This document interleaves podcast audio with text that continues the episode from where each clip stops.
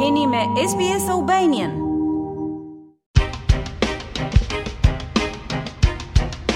Pronarët e hipotekave janë goditur me një rritje të 7 radhazi të normës së interesit. Bizneset dhe familjet janë të shqetësuara për efektet e kësaj rritje, Banka e Rezervës po rishikon pikun e inflacionit për këtë vit, duke paralajmëruar se ka të ngjarë të ketë edhe më shumë rritje të tjera në të ardhmen. Të ndjekim raportin. Normat e interesit janë rritur për të shtatin muaj radhazi në Australi. Rritja pritet të ndikojë negativisht në miliona australianë që kanë hipoteka, veçanërisht pronarët e bizneseve. Seta Berbari është në një pozitë të tillë ngaqë ka marrë një kredi të dyfishtë për shtëpinë dhe biznesin e saj që është një lokal në perëndim të Sidnit. Having the interest rates getting higher, uh, of course it put too much pressure on everyone, not just on small businesses, on people in general. It's just going to affect so much all small businesses because as I said the consumers will be very careful on spending their money now as Rritja e normave të interesit po ushtron shumë presion mbi të gjithë, jo vetëm për bizneset e vogla, por edhe për njerëzit në përgjithësi. Thjesht do të ndikojë kaq shumë në të gjitha bizneset e vogla, ngaqë konsumatorët do të jenë shumë të kujdesshëm në shpenzimin e parave të tyre, sepse kanë më pak para. Po ashtu, edhe borxhi që ua kanë bankës do të zgjasë më shumë. Po, jam 100% e shqetësuar, thotë ajo. Më datë një nëntor, Banka Australiane e Rezervave i ngriti normat e interesit me 25 pikë bazë.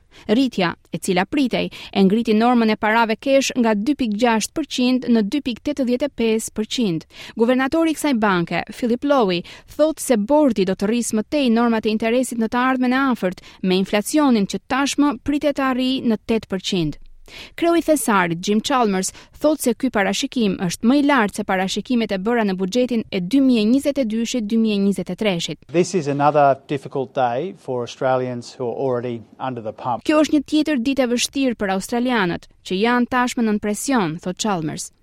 Po ashtu, Banka Qendrore ka paralajmëruar se inflacioni në Australi është tepër i lartë, siç është rasti edhe në shumicën e vendeve të tjera në botë.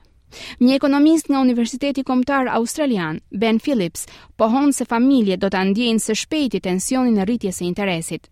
pretty substantial increase in interest rates, and this will mean obviously quite substantial increases in interest repayments for most households. Një rritje e konsiderueshme në normat e interesit do të thotë padyshim rritje mjaft të konsiderueshme në pagesat e interesit për shumicën e familjeve. Kjo do të ndikojë në familjet me të ardhura tipike të mesme dhe më të larta. Pra, sigurisht do të ketë disa ndikime mjaft serioze për financat e familjeve në të ardhmen e afërt. Rritja vjen pasi tregjet e huaja vazhdojnë të përjetojnë paqëndrueshmëri, së bashku me përmbytjet e kohëve të fundit që po nxisin rritjen e çmimeve. Por zoti Phillips thotë se nuk ka gjasa të ndodhë një krizë e plotë ekonomike. I think in the short term that seems unlikely for Australia at the moment. Certainly the uh, unemployment rate is very very low. Um, the economy is still reasonably strong and robust. Unë mendoj se kriza ekonomike duket e pamundur për Australinë për momentin, sepse shkalla e papunësisë është shumë shumë e ulët. Ekonomia është ende mjaft e fortë dhe e fuqishme. Shifrat e shitjeve që sapo dolën dje ishin mjaft të forta. Me gjithë këto ngritje të normave të interesit, ekonomia është ende në pozicion të fortë. Opozita megjithatë pretendon se qeveria duhet të ofrojë një strategji për të menaxhuar gjendjen. Angus Taylor është kreu i thesarit i opozitës. The Labour government has put up the white flag uh, when it comes to interest rates Qeveria laburiste është dorëzuar kur bëhet fjalë për normat e interesit dhe inflacionin dhe australianët do ta paguajnë çmimin për këtë. Është e nevojshme që qeveria të bëjë një plan të qartë dhe gjithëpërfshirës për të ulur presionin nga normat e interesit dhe nga inflacioni. Unë si shumë australianë kishim shpresa se buxheti do të përfshinte planin e daljes nga inflacioni, por është e qartë se kjo mundësi ka humbur. Qeveria është nën një presion rritje për të menaxhuar rritjet e konsiderueshme të çmimeve të energjisë elektrike dhe të gazit, si nga brenda ashtu dhe jashtë Partisë Laburiste. Ndërsa bizneset dhe familjet shpresojnë në një rezultat të shpejtë pozitiv, kreu i Thesarit Chalmers thotë se qeveria po bën çmos për ta përshpejtuar procesin. Uh, we have said uh, that if there is more that we can responsibly do uh, to take some of the sting out of uh, rising energy prices brought about by the war in Ukraine, then obviously we'll consider that. Uh, we are in the process of consulting.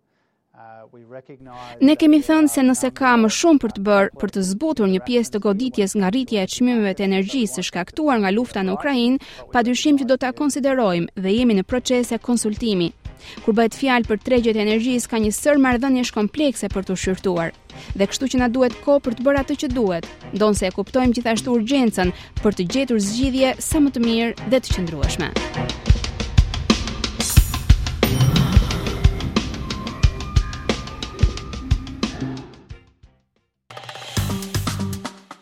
Klikoni në like, ndani dhe komentoni SBS Albanian në Facebook.